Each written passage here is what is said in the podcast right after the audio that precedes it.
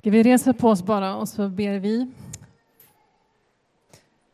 Tack Herre att vi igen har fått påminna oss om att du kommer. Tack för berättelsen om den där natten när det liksom göd änglasång och det, det var något så speciellt Herre.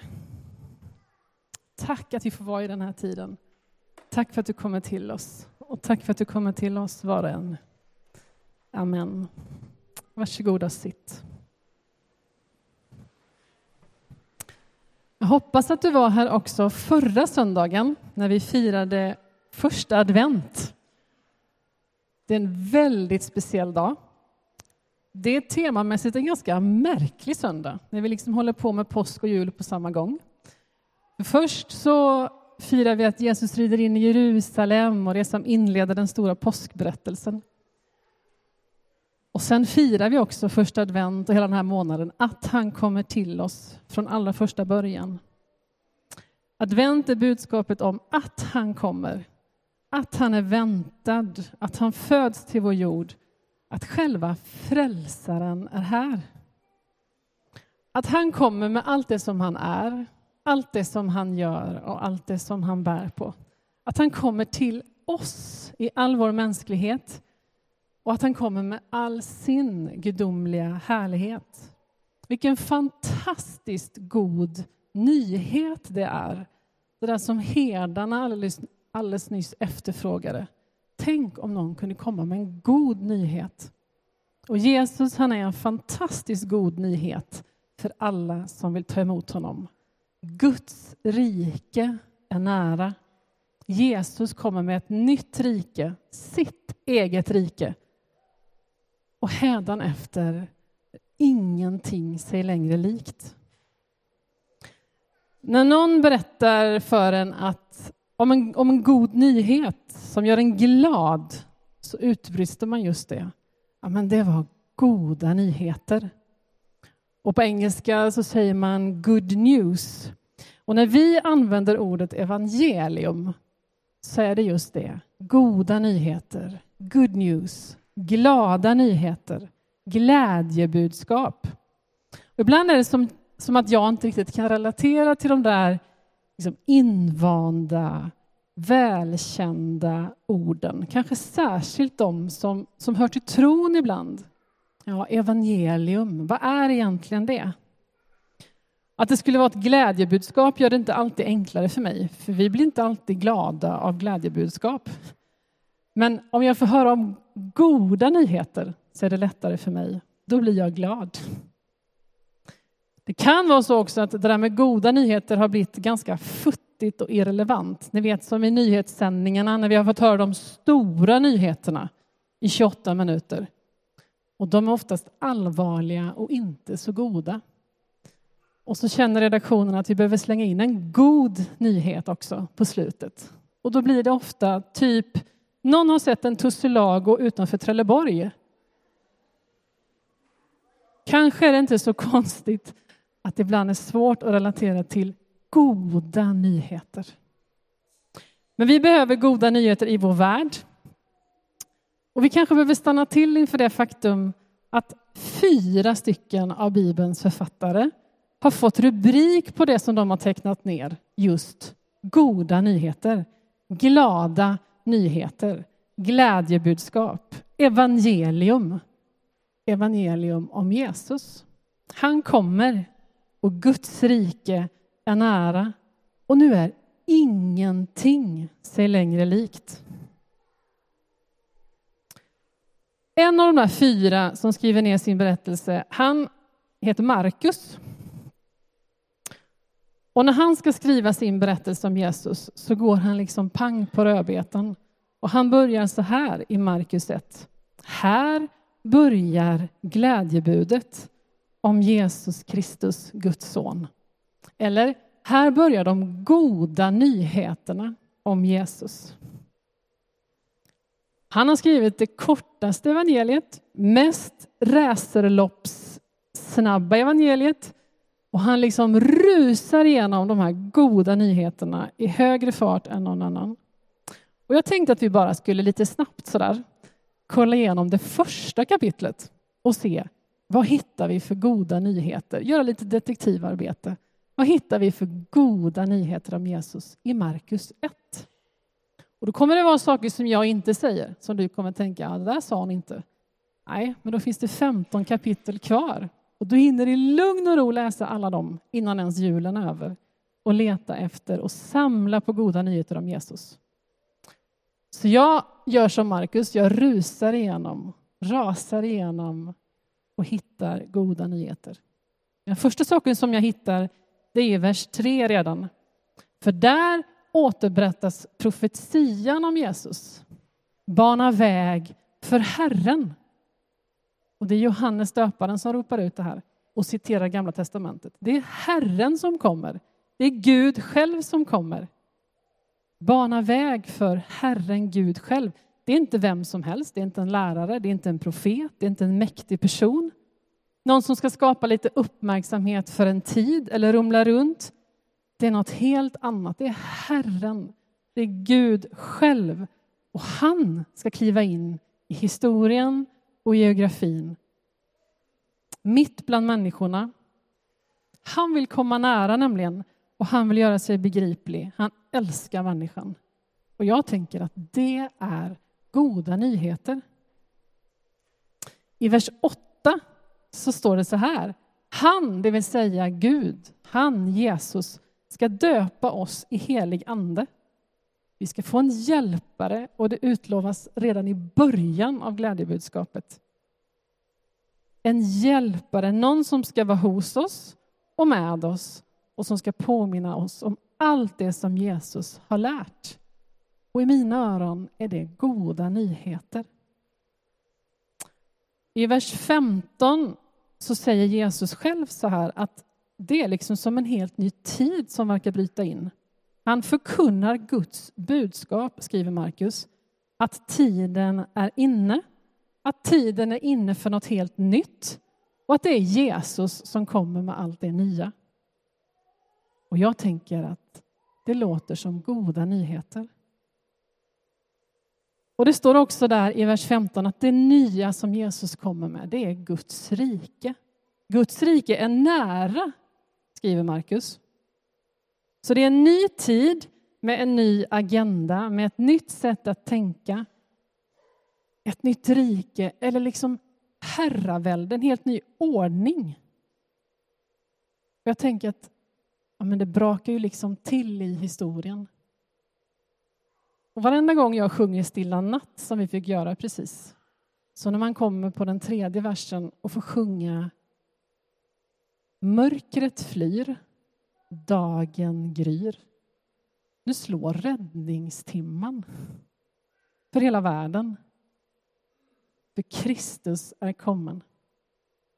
Så ända sedan jag var barn så har jag sett en stor gonggong liksom, så här, för min inre syn.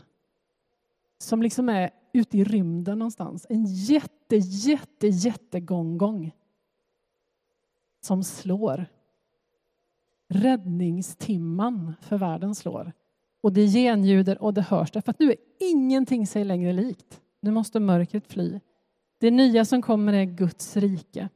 Det brakar till i historien och det blir faktiskt ett före och ett efter. Till och med så tydligt så att vi säger före Kristus och efter Kristus. Det nya riket, Guds rike, är inte bara nära sådär i största allmänhet. Typ om vi ger oss ut och letar så är det kanske här någonstans. Utan det är greppbart. Det är liksom på armlängds avstånd du kan nå det. Det är här. Och när vi tar emot det så är det dessutom inom oss. Inte bara här i trakten någonstans. Och jag tycker att det är goda nyheter. I vers 17 så står det att Jesus kallar till sig lärjungar. Att han vill ha människor runt omkring sig som lär av honom, som blir hans vänner, som gör som honom, som förstår vad det är han vill, hyfsat i alla fall, ibland, och som försöker följa hans ord och gärningar. Och Jesus kallar fortfarande lärjungar. Och den som väljer att följa Jesus får vara en sån. Och jag tycker att det är goda nyheter.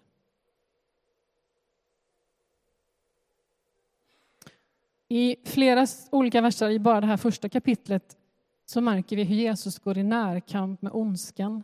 Det blir stundtals ganska rörigt runt honom. Det verkar som att ingen liksom kan vara oberörd när han går fram. Bara i det här första kapitlet så går djävulen själv i närkamp med Jesus och får se sig besegrad. Och dessutom står det tre gånger om hur Jesus driver ut demoner som dessutom verkar veta vem han är. Det blir liksom rakt upp och ner väldigt, väldigt tillspetsat i frågan om vem som regerar när Jesus kommer. Ingen verkar vara oberörd. För det är Gud själv som har klivit in i historien och geografin och allt måste ge vika för detta nya rike. Den här nya tiden som kommer. Det är goda nyheter. I bara det här första kapitlet så botar Jesus sjuka. Och vi är så vana att höra att Jesus botar sjuka så att vi knappt kanske tänker på det. Vi kanske blir glada eller så blir vi lite störda av att han gör det. Men han gjorde verkligen det väldigt mycket. Och det ser vi redan i kapitel 1. Och det är goda nyheter. I det här kapitlet står det om ett speciellt sådant tillfälle. Då rör Jesus vid en spetälsk, står det. Och idag kallar vi spetälska för lepra. Den spetälske är den som ingen rör vid. Och på Jesu tid, och delvis i vår tid, så är den som har spetälska förvisad ut ur, ur gemenskapen rent och bokstavligt geografiskt. Man är dödsdömd och avvisad och utvisad. Och den spetälske rör Jesus vid, och det skulle vi kunna stanna länge vid. Men det är goda nyheter. Genom hela det här första kapitlet så kan vi se hur Jesus är så otroligt angelägen om alla. Vi kan läsa om hur han ser folk i ögonen. Hur han kallar dem att följa honom. Hur han berörs av deras situation, sjukdom. Hur han upprörs till och med. Hur han botar den enskilda. Hur han liksom stannar upp när någon rör vid honom. Hur han också säger låt oss dra vidare för det finns fler platser där vi inte har varit och också för dem har jag kommit. Jesus betjänar människor till långt in på natten. Det står om att han är hemma hos Petrus, att han har ätit där och att det är efter solnedgången. Så står det så här, och jag får stresspåslag nästan bara av att läsa. Hela staden hade samlats utanför dörren. Och han botade många, står det. Han hade haft en lång dag bakom sig, Jesus, med mycket ståhej förmodligen. Det var ju det runt honom. Men han har kommit för människornas skull. Och när hela staden har samlats utanför dörren så betjänar han dem. Han ger allt för människorna. Och det är goda nyheter för dig och mig. Om vi skulle fortsätta den här läsningen, det ska vi ju inte, för den här gudstjänsten ska ju ta slut också någon gång, genom evangelierna.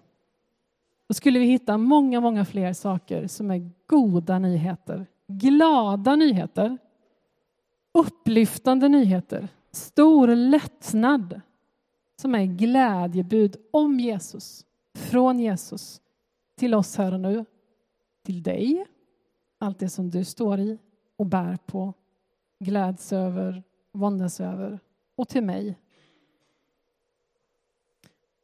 Och jag tänker att du skulle kunna fortsätta läsa Markus på egen hand. Som sagt, det är 15 kapitel till. Tionde idag. Du hinner lagom in i julhelgen och bli klar med Markus, upptäcka vad han skriver om Jesus, leta efter fler goda nyheter. Tänk om vi fick skriva ett evangelium här idag Vilka är de goda nyheterna om Jesus i ditt liv? På vilka sätt är han glädjebud för dig just nu? Du som känner och följer honom, du som gjort det i många, många decennier. Varför är du hans lärjunge? Varför älskar du honom?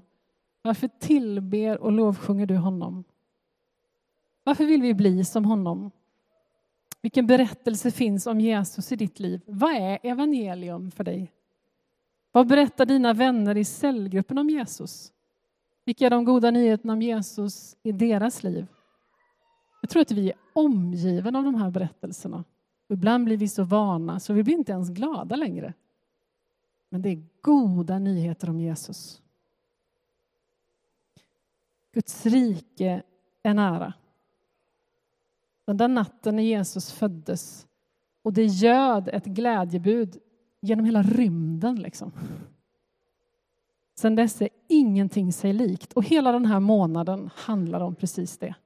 Att Gud kliver ner, att Gud kliver in på ett särskilt sätt i historien. Han har alltid varit där, men han gör det på ett väldigt tydligt sätt och han blir människa för människornas skull. Ingenting är sig längre likt. Guds rike är på armlängds avstånd och när vi tar emot det så är det inom oss. Kanske sitter du här och så är det med dig precis som med mig. Att du behöver Jesus i ditt liv på ett särskilt sätt eller på ett särskilt område. Minns då de goda nyheterna. Att han är så angelägen om alla. När alla vi flockas liksom vid hans dörr så kommer han betjäna oss en efter en. Om du kanske fortfarande inte känner honom. Om du skulle vilja ta ett sånt där steg mot honom idag så är det här en utmärkt plats och en utmärkt dag. Och du kan söka dig till det som vi kallar för våra förebedjare strax. Eller någon av oss pastorer. Eller någon annan som du kanske kommit hit med eller som du vill ha samtal med. För Jesus är här. Och hans rike är på armlängds avstånd. Låt oss be.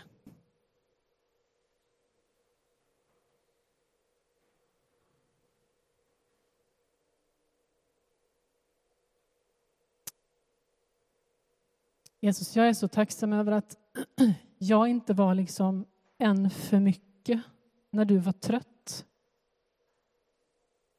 Utan när jag kom så hade du tid och du såg mig. Det är så goda nyheter att du söker efter alla människor och att när människor söker dig så visar du inte bort någon. Tack för att ditt rike har kommit till oss med allt ditt goda. Tack att vi har fått kunna ta emot det och att vi får ha ditt rike inom oss. Tack för att den där natten när du föddes till jorden så brakade till i historien. Och det går att säga före och efter. Ett barn har blivit oss fött och en son har blivit oss given. På dina axlar ska allting vila. Tack att vi idag får välkomna ditt rike in i våra liv liksom igen och mer på fler områden, på ett djupare sätt. Och tack för att du vet alla våra omständigheter. Och tack att vi får komma med precis de omständigheterna som tynger oss idag. Tack för att du är goda nyheter in i varje omständighet.